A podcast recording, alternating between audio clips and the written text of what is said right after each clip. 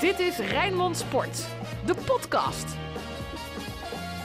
Goeiedag, hartelijk welkom bij deze podcast Feyenoord. Een extra podcast. Na iedere wedstrijd van Feyenoord doen we een podcast. En die gaat vandaag natuurlijk ook over de loting. Dat doen we met Casper Sikkema, Ruud van Os, chef sport. En helemaal uit Zweden komen lopen bijna. Zo, zo vermoeid zie je eruit. Hij raast de studio in als Usain Bolt in zijn beste dagen. Sinclair Bisschop himself. Hoe gaat het? Ja, goed. De Ja? wedstrijd was natuurlijk minder, maar eh, het ging om de kwalificatie. Dat is eh, gebeurd. En eh ja, zojuist de loting gezien, dus eh, daar gaan we het ongetwijfeld straks over hebben. Heel goed. Nou, sterker nog, eh, Sinclair. Daar gaan we het nu over hebben. Rood, wit, bloed, zweet. Geen woorden maar daden. Alles over Feyenoord. Ruud zegt net, dit is best wel een pittige, eh, pittige opgave. Hij heeft zelfs eh, dingetjes uitgeprint. Ja, natuurlijk, maar Union Berlin hè, is gewoon een, eh, een, een, een subtopper in de Bundesliga. Bundesliga toch een hele sterke Nummer 7 van. Duitsland. Slavia Praag doet het de laatste jaren goed in Europa, dus win je ook niet zomaar. En Maccabi Haifa, ja, ik moet eerlijk zeggen, daar weet ik niet heel veel van. Kampioen van Israël. Maar wel kampioen van Israël inderdaad, dus dit, dit is zeker geen makkelijke pool. Hoe heb jij, dat, eh, hoe, heb jij die loting eigenlijk ervaren, Sinclair? Zat je in het vliegtuig of eh, was je nog in Zweden? Nee, we waren net geland en toen eh, waren, zaten veel Feyenoord supporters, ook collega Mikko Schauka. Dus iedereen op de telefoontjes aan het kijken. En dan, ja, eh, zeker met internet is de ene sneller dan de ander. Dus dan hoor je al roepen Maccabi Haifa of je hoort al roepen eh, Slavia Praag. Dus eh, eh, ja, wat dat betreft denk ik, wat Ruud zegt, het is wel een zware loting. Maar het had allemaal nog wel wat zwaarder gekund. Hè? Met name die, eh, die ploeg uit pot 1. Je moet er toch ook niet aan denken dat eh, met Tottenham Hotspur, met, eh, met, met de AS Roma. Dus wat dat betreft eh, eh, is het wel een ploeg, denk ik, een beetje in evenwicht. Dat je niet echt een favoriet kan aanwijzen. Dit was denk ik, ehm, Casper, een van de makkelijkere uit eh, pot 1, hè?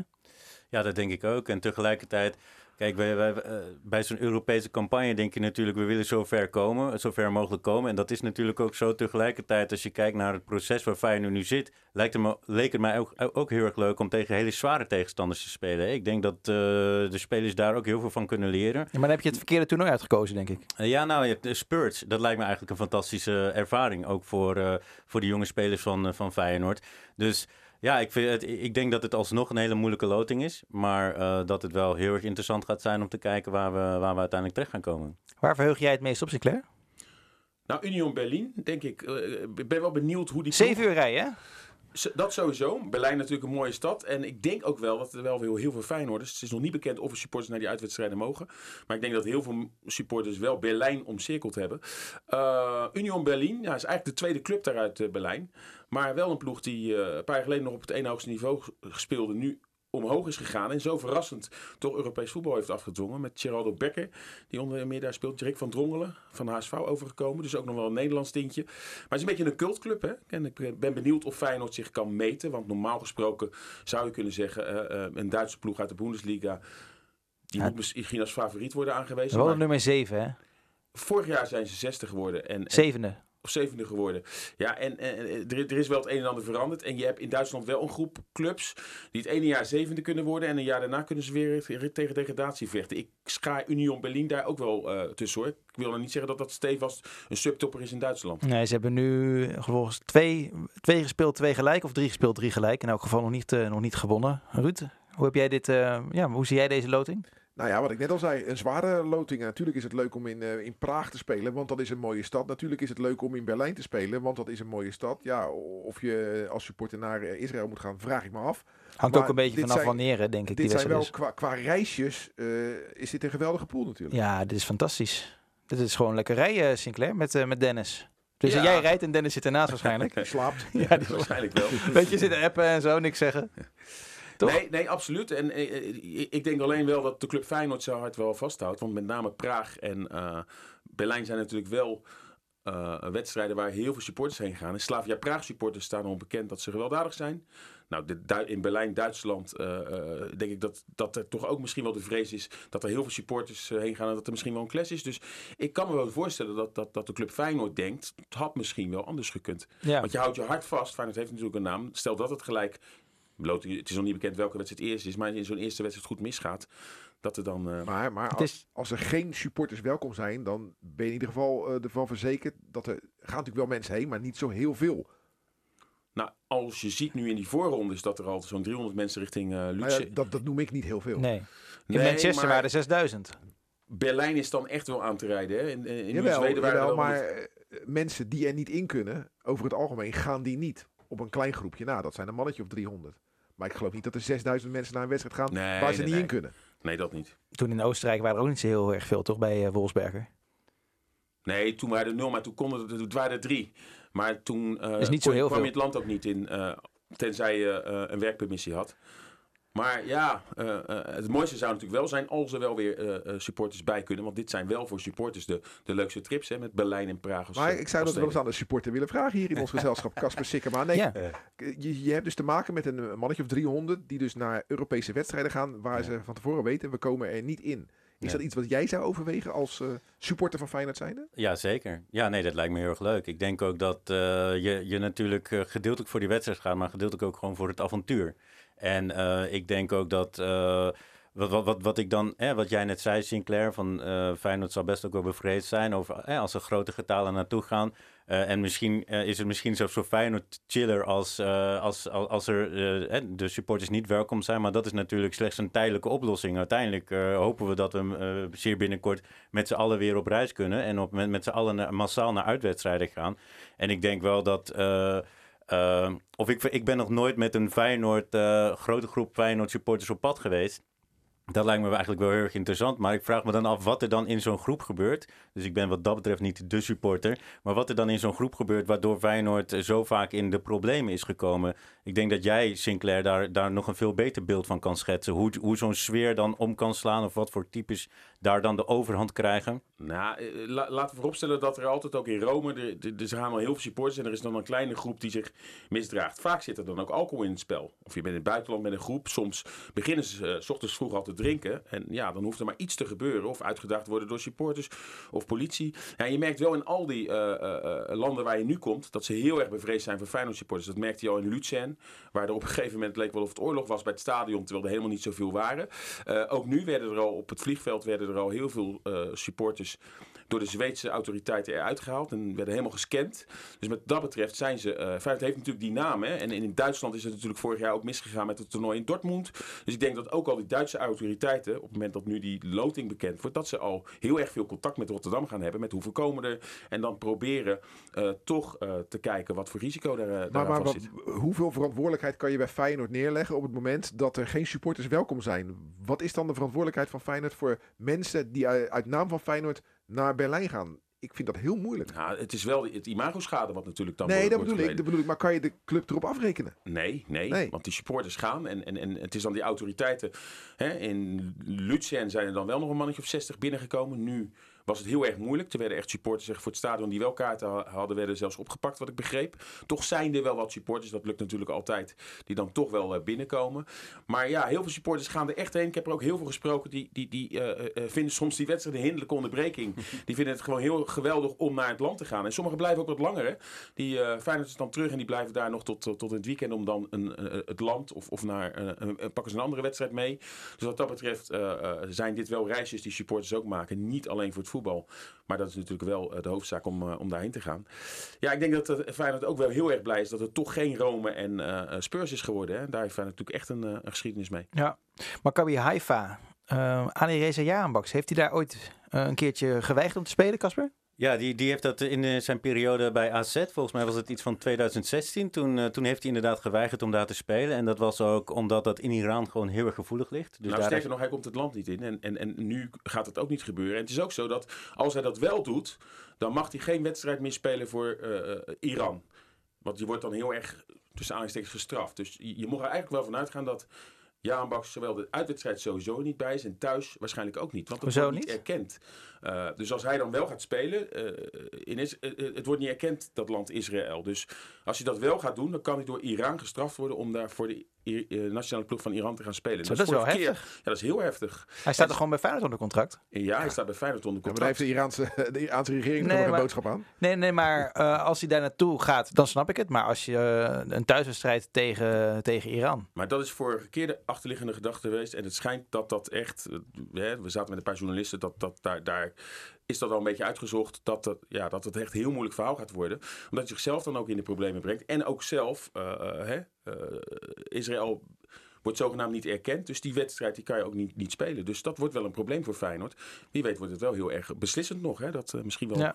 laatste wedstrijd. Of, en daar andersom is het natuurlijk ook heel raar. We hebben toen ook met Mkhitaryan ge gehad bij die finale om de Europa zeggen, Europa League, dat hij niet kon afreizen toen het gespeeld werd in Azerbeidzjan. Ja, dat is ook ongelooflijk dat sportieve gronden, dat die daardoor eh, ingeperkt worden. Ja. Omdat er een politieke... ik kan me hem wel voorstellen als eh, er vanuit je eigen land druk op je uitgeoefend wordt. En ja, het is niet zo geregeld in Iran als we hier in, in Nederland. En dat misschien ook nog gevolgen gaat hebben voor, weet ik het, misschien wel je familieleden. Dat je dan denkt van, nou, laat ik die wedstrijd maar even lopen. Ik begrijp hem wel dan. Wel, Ja. wat, wat ook wel interessant is, is eh, hij heeft ook natuurlijk ook bij Brighton gespeeld. En daar speelde hij toen met twee eh, teamgenoten die uit Israël kwamen. En eh, dat, dat, dat, dat zou dan eh, eventueel ook gevoelig moeten, moeten liggen. Maar dat, dat schijnt dan anders te zijn. Wat ik daarover las is dat hij daar zich ook, ook, ook, ook over heeft uitgesproken. Dat hij, dat hij juist eh, binnen een team heel erg in eenheid gelooft. En dat hij dat geen probleem vond. Maar dat het inderdaad iets anders is als je tegen Israël moet spelen. Wat, wat heel paradoxaal klinkt. Ja. Maar voor die jongen ook ontzettend moeilijk moet zijn. Je, je wil gewoon graag voetballen. Je wil voor je land uitkomen, maar je wil ook voor je club uitkomen. En ik denk dat je dan ook nog eens heel erg beperkt bent in wat je er eigenlijk over kan zeggen. Eh, dus eh, ja, best wel een complexe situatie. Voor Feyenoord natuurlijk eh, enorm Ja. vervelend. Ja, Feyenoord is nagenoeg rond met een buitenspeler. Wordt waarschijnlijk na de wedstrijd tegen Utrecht eh, gepresenteerd. Op maandag, misschien wel op dinsdag. Dus ja, heel benieuwd of het inderdaad meer een rechterspits is of een linkerspits. Dat weet ik niet, maar het zou een vervanger kunnen zijn natuurlijk voor, eh voor Jahan Baks.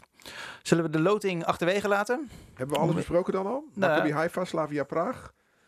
En Union Berlin. Ja, Union of- Berlin. Of jij Ja, moet nog eventjes eh, zeggen of ze 5-3-2 spelen of 4-3-3. eh, nou ja, het, speelschema is, is nog niet bekend. Nee. Hè? Nee, Precies. vanwege COVID laat het wat langer op zich wachten. Normaal is dat in de loop van de dag. Geldt ook voor de Champions League. En er zijn natuurlijk ook meer toernooien met meer belangen. Hè, dat eh, rechthebbende met, met bepaalde clubs. Zeg maar ook er zijn dus zoveel Nederlandse clubs. Dat er echt heel erg wordt gekeken. Nou, die wedstrijd wordt dan geprogrammeerd, die dan. Dus dat kan wel even duren. In het uiterste geval heeft de UEFA gecommuniceerd dat het vijf, zes dagen kan duren. Maar de verwachting is dat het misschien al dit weekend bekend wordt gemaakt. Begint 16 september sowieso. En op onze website staat een, een uitleg, een explainer heet dat, over wat die Conference League nou precies inhoudt. Als ik eerlijk ben, als ik nou kijk naar die gehele loting, vind ik het niet zo'n bijster interessant toernooi, zeg ik eerlijk. En dan Nee. komen mensen, ja, Spurs en Roma, maar ja. Nee, maar ik heb het idee dat het maakt voor de Feyenoord support toch helemaal niet zo heel erg Nee, voor uit. nee, of ze nou nee, tegen Bodo Glimt eh, spelen of tegen Nou, je eh, Maccabi Haifa. in, in, in die laatste pot dat daar allemaal ploegen zijn die zeg maar tussen aanhalingstekens wat nieuw zijn. En eh, voor dat soort landen is het nu leuk om in zijn groepsfase te komen. Hè, in de pot 1 zaten eigenlijk wel eh, eh, eh, ploegen die je normaal gesproken ook in de Europa League tegenkomt. Het is wel zo dat het interessant is, of je moet eigenlijk eerste worden in de pool. Hè? Ja. Als je Ja. eerste wordt, dan ben je rechtstreeks door. Word je tweede, ga je tegen nummer drie van de Europa League spelen. Wat dan eh, een extra ronde inhoudt. Dus het is eigenlijk zaak om wel eerste te worden. Maar goed, Feyenoord is volgens mij niet in de, in de situatie om maar te zeggen... eh, we worden eerste of tweede. Want het is al heel lang geleden dat Feyenoord overwinterd eh, eh, eh, is in Europa. Dus als Feyenoord tweede Jawel, zou maar dit is wel een lager toernooi, hè? Maar ik denk ook dat, eh, kijk, voor, voor het publiek denk ik dat het uiteindelijk heel erg weinig uitmaakt. Want ten eerste, Dat de uitwedstrijden, hè, als mensen daar naartoe mogen, dat wordt, dat wordt geweldig. De thuiswedstrijden natuurlijk ook. Hè, die, die, de magie van een, van, van, van, van een nee, Europa nee, Cup nee, ben wedstrijd. ik het totaal niet mee Weet je eens. nog, ik, die- denk, die keer ik ben toen- met Casper eens, Als je hoor. Porto thuis, Sevilla thuis. Maar maakt dat echt uit voor de Feyenoord supporter? Nee. Je hebt gezien hoe, die, hoe los die gingen tegen Drita. Ja. ja. dat heeft met het scoreverloop te maken. Lugansk en Drita was omdat het op het laatste moment nog Dus, gewonnen maar, werd. dus daar zit een magie in de avond waar iedereen... De, het is een avondwedstrijd, er zit, het, is, het is De toch iets belangen zijn groot. Maar de En voor kans de is nu te spelers. groter om door te gaan dat je na de Ja, winter maar wel... luister, luister. Denk jij dat een Feyenoord supporter op donderdagmiddag op zijn werk helemaal opgewonden raakt dat hij eh, een thuiswedstrijd Ja. eh, moet spelen tegen, eh tegen Maccabi Haifa Maar Ruud, of als- tegen Manchester United? Ik kan me voorstellen dat jij als? Sparta-fan niet kan verplaatsen in dit Feyenoord-gevoel. maar ik denk wel dat dit wel degelijk voor Feyenoord-supporters uiteindelijk, als ze naar zo'n wedstrijd gaan, zit er dezelfde wedstrijdspanning in. En als je, bij, als je daar bent, ik, ik geloof echt dat dat Nee, niet zo heel veel uitmaakt. dat- dat- daarmee zeg je eigenlijk ook dat er dezelfde wedstrijdspanning zit tussen Feyenoord Ajax en Feyenoord Emmen. Nee, dat, dat, dat zeg ik niet. Maar ik denk dus dat ja, een Europese... waarom, waarom, waarom dat, geldt dat Europees dan wel? Nou, om, omdat dat een magie heeft. Het hele seizoen heb je het over, we- gaan we Europees voetbal halen? Gaan we Europees voetbal halen? Dus er zit al een soort van dimensie waar je in terecht kan komen. En daarnaast is het een avondwedstrijd. Daarnaast is het een onbekende tegenstander. Daarnaast worden er legendes gemaakt op dat soort Alles avonden. op staat hoe je aan zo'n toernooi begint. Als je inderdaad na drie wedstrijden eigenlijk eh, nog geen wedstrijd hebt gewonnen en je staat er slecht voor. Ja, dan, dan denk ik dat helemaal niemand meer. Maar als Feyenoord Kijk naar de Champions meedoen- League van een paar jaar geleden. Kijk, die, het is eh, dat Napoli, op- uiteindelijk werd het nog wel een, een mooi feest. Maar die wedstrijd ging al nergens meer over. Sint-Just die maakte nog die winnende goal. Maar dat was- geweldig? Maar Ja, het hoe- was geweldig, maar er heeft een andere vibe dan, ehm, dan tegen lage tegenstanders waar het wel succesvol hoe tegen was. kut was de Champions League als je erover nadenkt? We waren kansloos, kansloos ja, en maar Veel kansloos. supporters. En ik denk ook voor Feyenoord was het natuurlijk wel geweldig om tegen spelers die je normaal Ja. alleen van tv eh, en voor kent. spelers wel. En een keertje op Manchester City of bij Manchester United in die stadions te komen. Ja. Eh, alleen was Feyenoord natuurlijk wel een maatje te klein. En, en nu heb je echt wel een serieuze kans om eindelijk weer te overwinteren. En dan wordt het wel leuk. Want dan ga je tegen de nummer drie uit de, eh, de Europa League. En stel dat je eerste wordt, dan ga je sowieso door. Nou, de laatste 16 dan al, hè? Ja, dus dat... eh, En Eh. ik denk ook wat Europees ook nog verschil maakt. Nederland is natuurlijk een hele naïeve competitie. Dus Feyenoord kan gewoon eh, tegen al die teams die allemaal positief opbouwend voetbal willen spelen, bijna allemaal dan, kunnen ze gewoon hun eigen spel spelen. Hier komen ze ook tegen tegenstanders die op een totaal andere manier over voetbal nadenken. Gewoon hè, die Portu of, eh, eh, in welk land je ook komt, daar zijn ze meestal minder naïef of lief als spelopvatting dan, dan in Nederland. Dus ik denk ook dat voor die spelers er echt wel een eh, interessant ontwikkelingsding in zit. Dus zowel voor supporters als voor spelers geloof ik dat dit een prima competitie voor Feyenoord is. Nou ja, wat, wat ik goed vond was dat het natuurlijk gisteravond in, in Zweden, als je er één mag verliezen, dan was het gisteren, want je stond met 5-0 voor.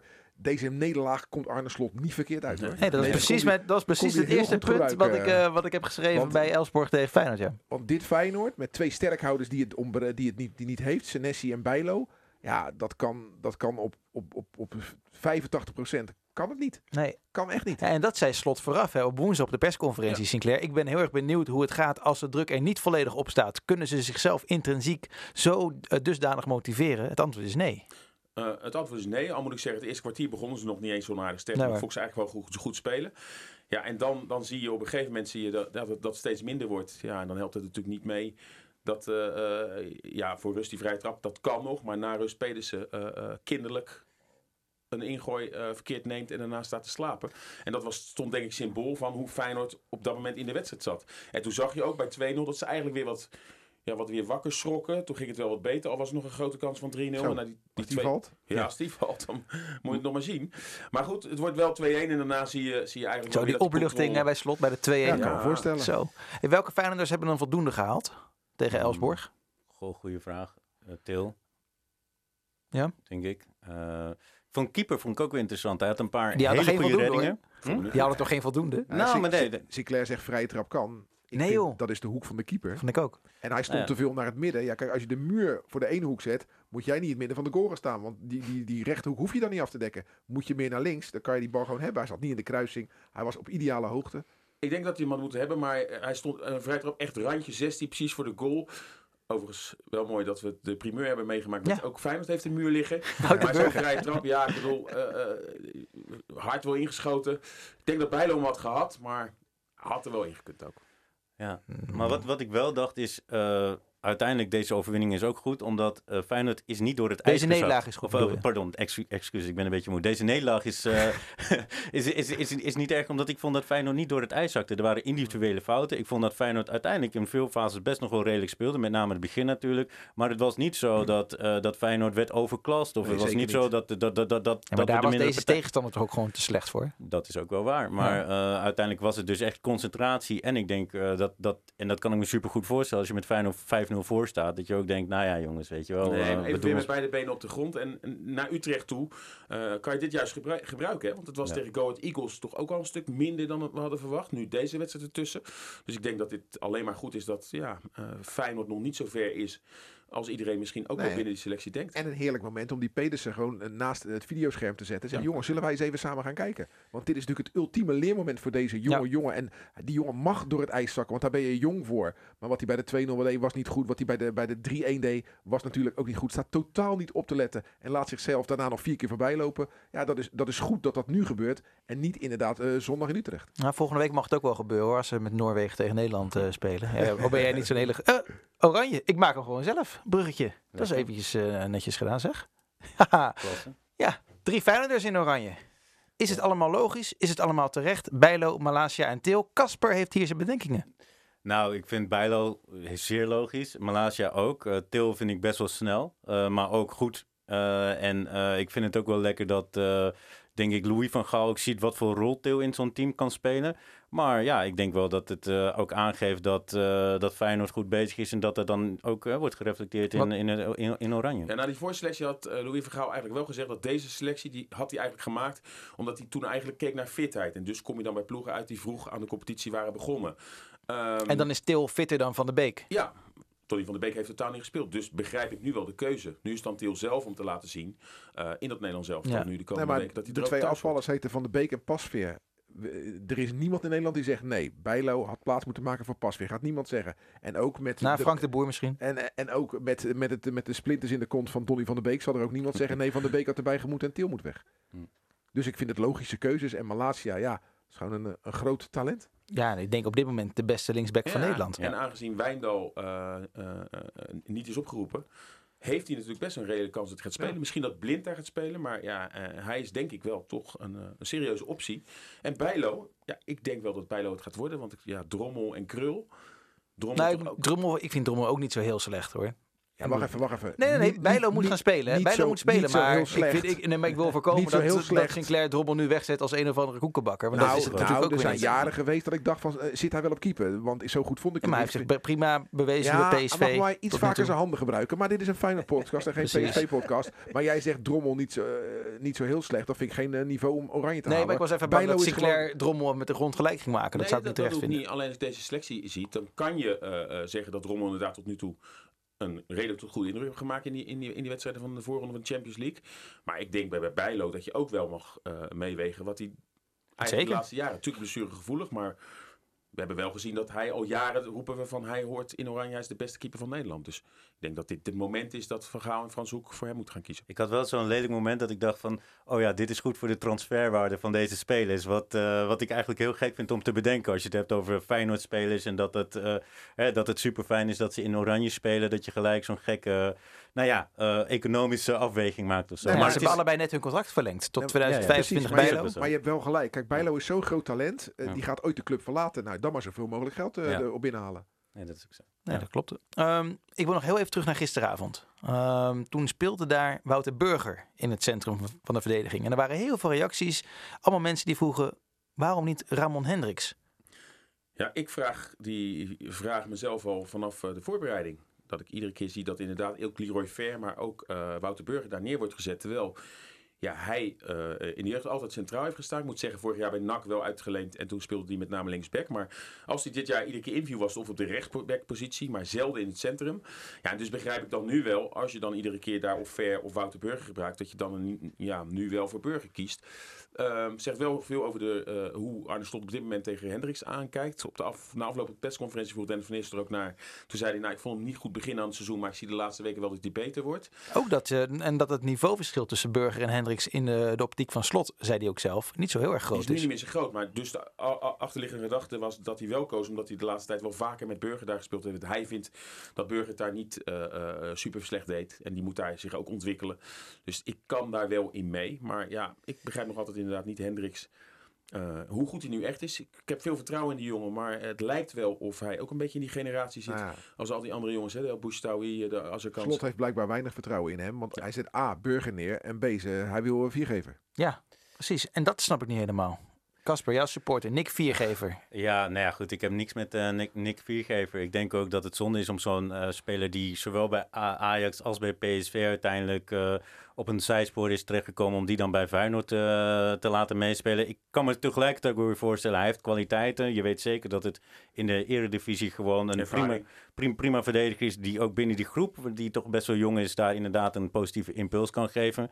En ja, ik denk ook wel dat als je kijkt naar wat Slot aan het doen is, hè, dat als je naar die debutanten kijkt van Hendricks, Hartjes, die is 18, Benita gisteren, ook super, het gedebuteerd. 17 jaar, eh, Milambo, 16 jaar.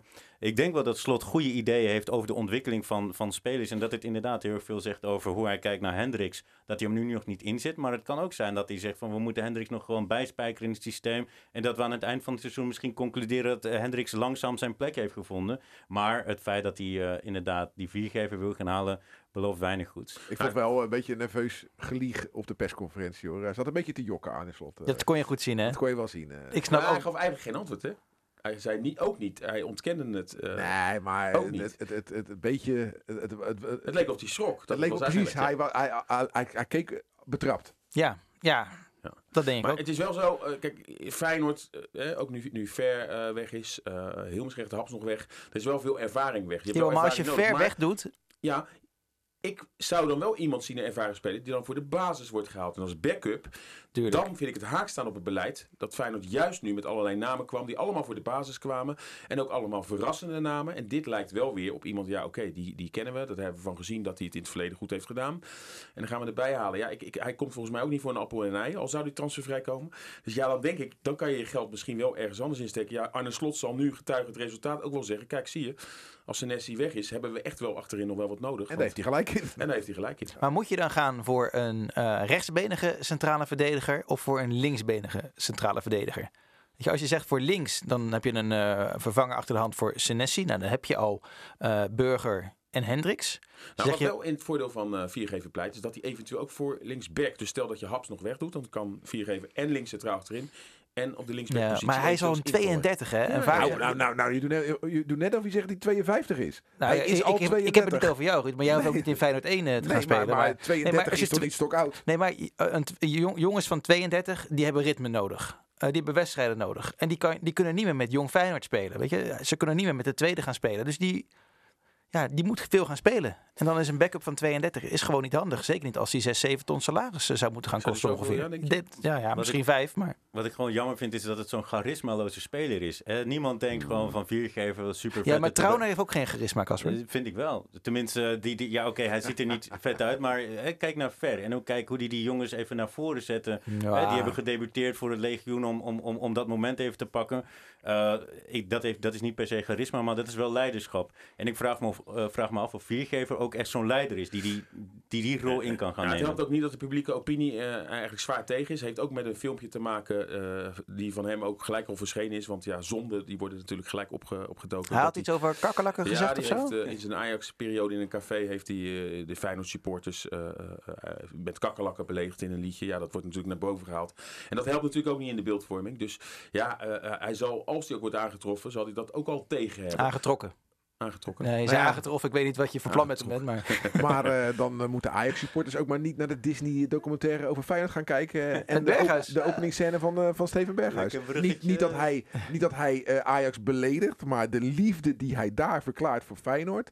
Ja, staat haaks op de overgang natuurlijk. Die docu die komt woensdag uit. Ja, dit is toch een ongelooflijk ongunstig moment ook voor die documentairemakers. Welke Feyenoord supporter zit hierop te wachten? Goeie vraag. Nou, ja, ik weet het niet.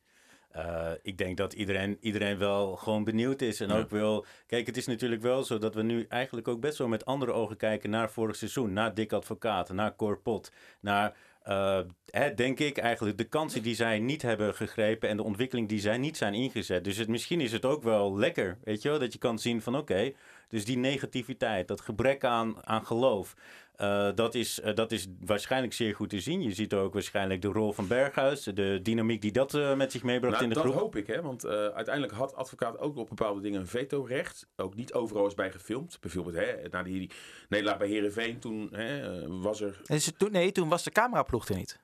Ja, maar er waren ook eh, zaken, zoals bijvoorbeeld dat Koevermans naar het huis is gereden van Dick Advocaat. Ja, dat belt Koevermans niet op van, hé, hey, eh, kom even langs, het is niet, we gaan even proberen advocaat over te halen. Dus ja, weet je, je ziet niet alles. En er was dus ook nog een vetorecht, dus bepaalde scènes zijn er denk ik ook wel uitgegaan. Maar ik hoop wel een bevestiging te zien van wat wij allemaal al wisten, maar wat vaak ontkend werd hè, op, eh, op persconferenties, als we toch advocaat met bepaalde dingen confronteerden. En wij voelden ook wel dat het een verstandshuwelijk was.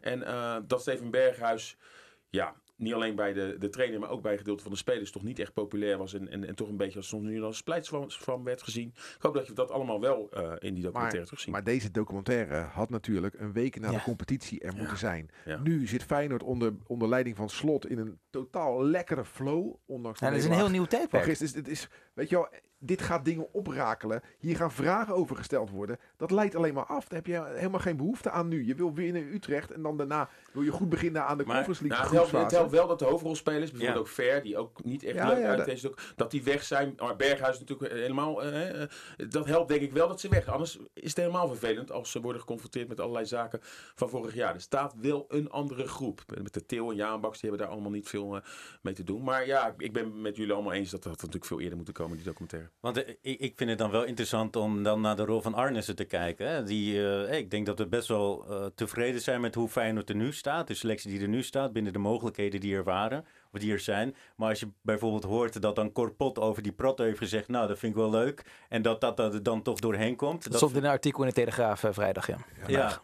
Dus ja, dan, dan, denk ik wel van nou, dat, dat, dat vind ik wel zwak. Ik bedoel, ik heb eh, eh, eh, weinig respect voor Corpot. Ik wilde zeggen, ik heb veel respect voor Corpot. Maar ik vind dat niet echt een, een, een inspirerende of een slimme man. En dat zo iemand dan zo... belang-. Wat is er? Ja, je zit onze vriend Corpot hier belachelijk te maken. heb, heb je hem ooit iets intelligents of interessants horen zeggen? Nou.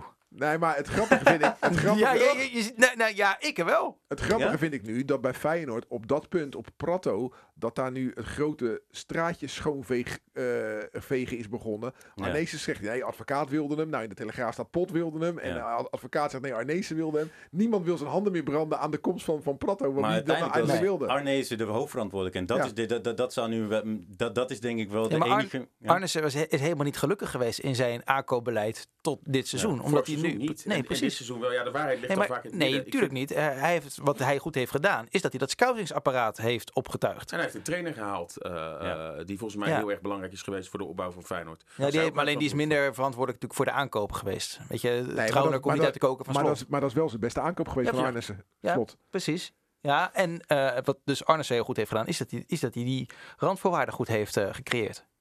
Misschien heeft hij iets te, te veel vorig jaar.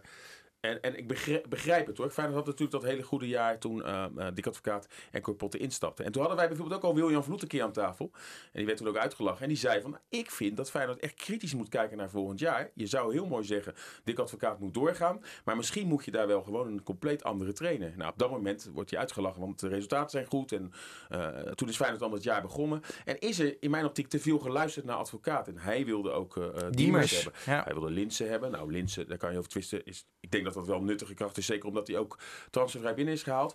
Maar er is te veel geluisterd. En eh, eh, eh, uiteindelijk... Ja, denk ik dat, nou, dat denk dat jullie er over eens zijn dat Feyenoord gewoon te lang door is gegaan met advocaat. En dan is het uiteindelijk wel goed, want zelfs op het moment dat ze toen bekend maakten dat ze niet met de advocaat doorgingen en het slot kwam, waren er ook nog heel veel mensen en ook heel veel journalisten die ook nog zeiden van ongelooflijk dat Dick hè, 30 wedstrijden niet verloren. Op dat moment dat- zat voor de winterstop Feyenoord mooi nog altijd. Hè? Die worden steeds langer. waren er 26, maar het worden er met de week meer. Hè? Dat, eh, Nou ja, maar, maar, maar Arnezen is ook bijvoorbeeld, eh, dat, dat zijn we bijna vergeten, ook verantwoordelijk voor de tussen aanleidingstekens miskoop Antonucci. Want wat moet Feyenoord daar nou in godsnaam mee? ja. Ja. Dus, maar, maar goed, hij is dus ook verantwoordelijk voor dat er denk ik nu een nu, scoutingapparaat precies, staat. Dat, ze- precies dat dus nu een onderzoek- goede trainer, scouting, sportsology, dat, dat is allemaal goed. Dus hij is niet goed begonnen, maar eh, heeft zich eh, knap hersteld. Mag ik nog één vraag stellen? Want eh, ik beledigde Corpot net misschien iets te hard. Maar wat vinden jullie dan heel goed aan hem? Wa- wat, wat, wat, wat is, denk je, denken jullie, hun, zijn kracht geweest bij, bij het Feyenoord van Dick Advocaat? Nou, hij is Nou, zo... hij is gewoon eh, de rechterhand altijd geweest van eh, eh, advocaat. En probeert advocaat wel tegengas te geven. En dat is een twee-eenheid. En ja, ik denk dat we de rol van Korpot ook niet moeten overdrijven. Mhm. Maar ik denk wel dat hij een van de weinigen is waar, waar advocaat nog wel naar luisterde in, binnen die staf. En was het dan slim om naar Corpot te luisteren? Nou ja, de eerste, het eerste half jaar en het begin van die competitie wel. Het gekke is, zal Korpot misschien zelf zeggen van op het moment dat hij toen wegviel met die, eh, met die problemen hè, van die infectie. Vanaf dat moment stortte Feyenoord ook in. Ja, en daar is Cor niet te moeilijk in om dat van zichzelf te zeggen. Nee, En, maar, maar ja, dat, is ook de charme van Cor. Maar hij is meer vertrouwensman dan Ja. assistenttrainer dus. Vertrouwensman van advocaat. Ja, dan staat hij voor een aardig bedrag op de lat als vertrouwensman. Maar ja, Ja. Ja. En jij zegt net, Casper, dat hij nog nooit iets zinnigs heeft gezegd. Ja. Eh, maar hij is een hele welkome gast bij FC Rijnmond, hoor. ja tuurlijk. Ja. Waarom? Omdat Cor eh, geen blad voor de mond neemt. Nee, precies. Ik maar, heb, eh, ja, goed. Mijn, mijn mening over de gast van FC Rijnmond zal ik hier verder rest niet delen. oh, hij, hij solliciteert even voor een plekje uh, voor Nee, nee, zichzelf nee, aan de tafel. ik heb Cor hoog zitten. En zeker ook als hij niet in dienst van Feyenoord was. En hij zat aan tafel, zei altijd hele goede dingen. Het enige wat ik wel een beetje vervelend, vervelend, wat ik eigenlijk niet vond kunnen. Is dat twee of drie dagen nadat, Ja. sterker nog volgens mij twee dagen nadat het seizoen Ja. klaar was. Toen schoof hij aan bij VI en bij het podcast. En toen, eh, ja, de hele vuile was. Ja. Ja, dat is eigenlijk nat dan. Want zegt toch alles alles? wat in de kleedkamer hoort te... hoor- hè, daar, daar hoort in de kleedkamer te blijven. En dat je dat misschien een paar maanden daarna doet. Maar twee dagen daarna, dat vond ik niet zo chic. Ik wil de laatste Volgens mij tien, heeft hij daarna zelf ook nog voor extra excuses Ja, klopt. Dat hij natuurlijk op zijn kop had gekregen. Maar dat vond ik veelzeggend. Dat ik wil de laatste 10 minuten van deze podcast gebruiken om ook eventjes eh, vooruit te blikken naar eh, de wedstrijd van aankomende zondag. Je zit heel ik, erg... dacht, eh, nou, ik dacht, je pakt misschien nog een paar jongens eruit. Zijn jullie gisteren niet geschrokken van Tornstra? Die Ja. vorige week terecht tot een van de betere. En in die fase dat, dat er gezegd werd, moet hij er wel uit. Maar ik vond hem gisteren echt... Nee, van- heel- maar tegen Go Ahead was hij ook niet zo goed, toch? Heel simpel. Als Toornstra het niveau van vorige week iedere week op de mat zou leggen, zou hij niet bij Feyenoord spelen. Is jouw stokpaardje? Nee, nee, maar dan zou hij, dan zou hij bij Chelsea spelen. Maar Toornstra is normaal altijd iemand die, Ja. die, die scoort bijna altijd een 7. Eh, heel soms misschien een keer een 8. Maar nooit een 4. Of een, maar Nou, ik vond ben hem ik niet met je eens. Ik vind hem ook slordig wedstrijd spelen. Maar ik vind hem wel heel belangrijk en nuttig voor Feyenoord. Maar hij is niet constant, want dan, dan is hij te goed voor Feyenoord. En wa- wa- waarom denken jullie dat hij specifiek gisteren zo door het ijs zakte? Heeft het dan met eh, de samenstelling van het middenveld te maken? Heeft het met de manier waarop de tegenstander speelt te maken? Ja, Wat? hij was heel erg slordig in de passing. En het Ja. pasen over 4, 5 meter. Daar ging het natuurlijk. eh, maar, maar, maar er waren meerdere hoor, waar die een dikke onvoldoende scoorden. Pedersen, die juist geroemd werd de laatste weken. Dus, eh, maar ik vond Toornstra, ja, van de aanvoerder verwacht je misschien wat meer op dat middenveld. Nee, maar misschien is hij net als Feyenoord. Oftewel kan het niet op 85%. Nee. Moet altijd eh, 110 geven. En als dat er bij hem... eh, hij, is ook niet, hij is ook gewoon een mens. Staat 5-0 voor. Dan doet iets met je. Ja. En als hij dan op 85 gaat spelen, 85%, dan is hij eh, dan is hij misschien wel 40%. Wil je er nog iemand uithalen? Nee, ik denk dat eh hè, eh, Linse totaal niet gezien. Maar goed, dat was misschien wel een ondankbare taak in deze wedstrijd voor hem. Jan Baks ook niet al te eh, eh, goed. Sinistera bij Verlagen. Nou, als we het dan zo doen, doe het dan lekker allemaal tegelijk in Zweden bij een 5-0 voorsprong. Prima. Waar ik nog wel moest lachen is hoe die eh, commentator... Ik heb helaas niet naar Radio Rijnmond geluisterd, maar de Ah, ah, televisiecommentator... Sorry, dat kan je sorry. gelijk leggen. Maar hoe, hoe, ja, ja, ja, dat heb je me laatst uitgelegd en dat ga ik binnenkort doen. Eh, echt, maar hoe die tv-commentator de naam Jahan Baks uitsprak, ik, ik vond het echt aanstellerig. Weet je wel, ik zag, ik zag mezelf al voor de, dat hij voor de spiegel dat lekker aan het oefenen was. Maar jullie zeggen gewoon Jahan Baks, toch? Tuurlijk. Ja. Ja, Sinclair zegt altijd Ali Reza Jahanbaks. Ah, ja, Ben- dat is is, het jou wel eens opgevallen? ja, maar zo heet hij toch? Ja, ja, maar je, iedere keer noem je Nee, ook zijn voornaam erbij. En nu, ga je, Nee, nu gaat maar, iedereen erop letten. het, maar, mooie is, het mooie is dat wij in Nederlanders daar selectief in zijn. Hè? Bijvoorbeeld eh, als je zei vroeger Blaise en Koufo, dan kwam er altijd zo'n wijsneus. Nee, die N moet je niet uitspreken, want die spreek je niet uit. Oké, dan zei je Blaise Koufo. Maar we spreken Raza niet op zijn Pools uit. Maar we moesten dan wel een Koufo op zijn Afrikaans uitspreken. Dus we zijn er, want als we dan toch eh, die, dat, die, die, die Koufo doorvoeren, moet je Ja. ook Ronaldo zeggen. Ja, maar en niet Ronaldo. Stelde het toch altijd bij uh, Nee, met nee, French maar- en Toren André Vloe? Dus, dus voor sommige spelers, die spreken we wel uit zoals het hoort. Ja. Maar Brazilianen zeggen we lekker op zijn Rotterdamse Ronaldo. Ja, is, is het van Fred. Parijs? Ja, ja, precies. Parijs en geen Paris. Ja, precies. Eh, ik weet niet hoe je Utrecht op zijn Utrecht zegt, maar eh, we gaan Utrecht, gewoon... precies. Maar zondag, kwart over twaalf. Ja, Feyenoord heeft al langere tijd geprobeerd samen met de KNVB om die wedstrijd te verzetten. Naar kwart voor vijf.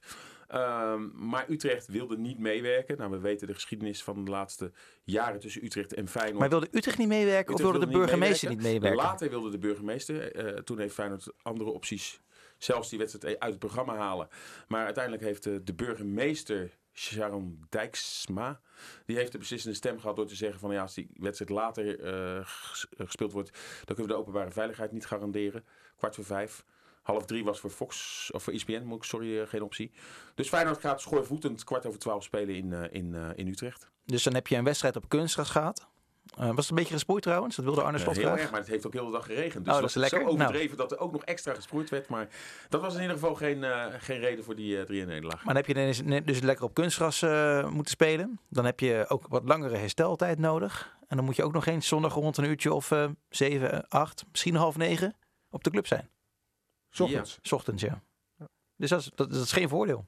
Nee, het, het helpt dan wel mee dat daarna Feyenoord eh, het eerste blok kan afsluiten. Dus niet gelijk weer in het ritme. Dus eh, eh, er wordt overigens met Senesi wordt er morgen gekeken of die kan gaan spelen. Het, het, het- de blessure viel uiteindelijk mee. Alleen gaat de overweging zijn, gaan ze risico nemen? er is een interlandbreek, dan weet je zeker dat zo'n blessure kan genezen. Je kan hem nu ook bij wijze van spreken eh, eh, over de kling jagen dat hij langere tijd eruit is. Dus die afweging wordt morgen gemaakt. Ja, voor de rest heb ik wel het idee dat iedereen fit uit die wedstrijd is gekomen. Sowieso Bijlo, eh, eh, die natuurlijk weer erbij is. En eh Uisnes, die zijn kan spelen, die nog niet speelgerechtig was. Die wel mee waren gevlogen. Dus eh, ja, wat dat betreft. Ik heb wel het idee dat Feyenoord schoorvoetend, maar dat ze wel zoiets hebben. Ja, we gaan dat, eh, eh, stel dat, dat we daar een nederlaag leiden, gaan we er ook, ook, ook niet op gooien. Dat we een paar uur minder eh, voorbereiding hebben gehad. Maar het is kinderachtig van Utrecht, denk Ja. ik. Ja, Ik heb- wel een leuk potje hoor. Ja, Utrecht ik ik heb er echt zin in. Ik was bij Utrecht Sparta en eh ja, heer en meester Utrecht. ondanks dat er ook spelers in rondlopen waarvan ik denk, nou, nou, moeten we daar zo moeilijk over? Zo'n Girano Kerk is gewoon een blind paard. Die kan echt niet voetballen, kan alleen hard lopen. Maar ja, iedereen heeft hem over. Oh, Girano Kerk gaat misschien naar het buitenland. Ja, misschien naar eh, de Olympische Spelen op de 100 meter. Maar ik, ik vind dat niet zo geweldig. Maar zo'n zo'n eh, Maher, die speelde echt geweldig tegen Sparta. Boussaïd vond ik ook heel goed spelen. Dus het is een aardig ploegje hoor. Ze hebben niet Eh, echt een spits, hè? Nee, nee, nee. nee. Ja, ze hebben die Dalmau. Ja, En Dalmau die. Doufikas, hè, die, die Griek, die, eh, ja, die viel in tegen Sparta, die scoorde ook nog. Ja, ik weet niet wat het is. Het heeft ook iets met de galgenwaard. Ik vond het publiek er toen goed achter staan eh, tegen, tegen Sparta. Hè. Die mensen hebben ook anderhalf jaar thuis gezeten, dus die waren ook blij dat het weer kon. En eh, ja, het, kan daar eh, ja, wel tekeer gaan. Dus ik, ja, ik, wat jij zegt, ik, ik verheug me op zondag kwart over twaalf. Jij ook, Casper? Ja, want ik denk ook dat eh, uiteindelijk eh Feyenoord hoeft hier ook niet te winnen. Hè? Eh, als je kijkt, nee, natuurlijk nou? moet Feyenoord wel winnen, maar als je kijkt naar waar we nu staan en als je weet dat dit ook hele moeilijke wedstrijden zijn, dan denk ik ook dat eh, het natuurlijk mooi is. En ik denk dat Feyenoord eigenlijk op alle sleutelposities gewoon beter is dan, dan, dan nou, ben ik Utrecht. niet met je eens. Nee? Nou, Utrecht heeft, vond ik, vorig jaar al echt een geweldige selectie. En ze hebben Ja. ook dit jaar echt spelers gehaald die Feyenoord volgens mij niet kan halen. Ook nu toch weer met een centrale verdediger met Van der Hoorn. Die ze van eh eh Arminia Bielefeld halen. Ja, is die ik vind de keeper niet echt Nee, ik ook niet. geweldig. Paas. Maar voor de rest hebben zij echt wel eh, spelers die, denk ik ook moeiteloos, maar her noemt hij al, eh, bij Feyenoord eh, mee Ja. kunnen. Gustafsson? Ze hadden, ze hadden ook een, een centraal duo tegen Sparta. Nu niet meer met Van der Hoorn, maar Van der Marel en Jansen. En dan denk ik ook van ja, Ja. dat is bij elkaar. Die, lo- eh, die lopen de 100 meter, dat, dat doen ze met een klok of met een kalender. Weet je wel? En dat staat toch gewoon in de eredivisie. Maar ja, wat ik zeg, op de sleutelposities hebben ze goede spelers. En dan hebben ze ook nog eens op de bank iemand als Gustafsson eh, zitten. Maar hier allemaal jongens die toch eh, ja, het verschil Ja. kunnen maken. nog. Maar dus, dus ik denk als je, als je hier een mooie wedstrijd speelt eh, met een gelijkspel van het veld Ja, afloopt, dat, dat, eh, dat, dat dat geen ramp is eh, als je kijkt waar we nu zijn. En in Utrecht hebben ze in de rust altijd iets wat wij nu hebben gemist. Want wij nemen dit op vrijdagavond of vrijdagmiddag op, de laatste vrijdag van de maand. Dat is altijd bij Rijnmond een enorme bittergarnituur. Die hebben wij nu gemist omdat we hier zitten. Jij hebt Maar- het gemist.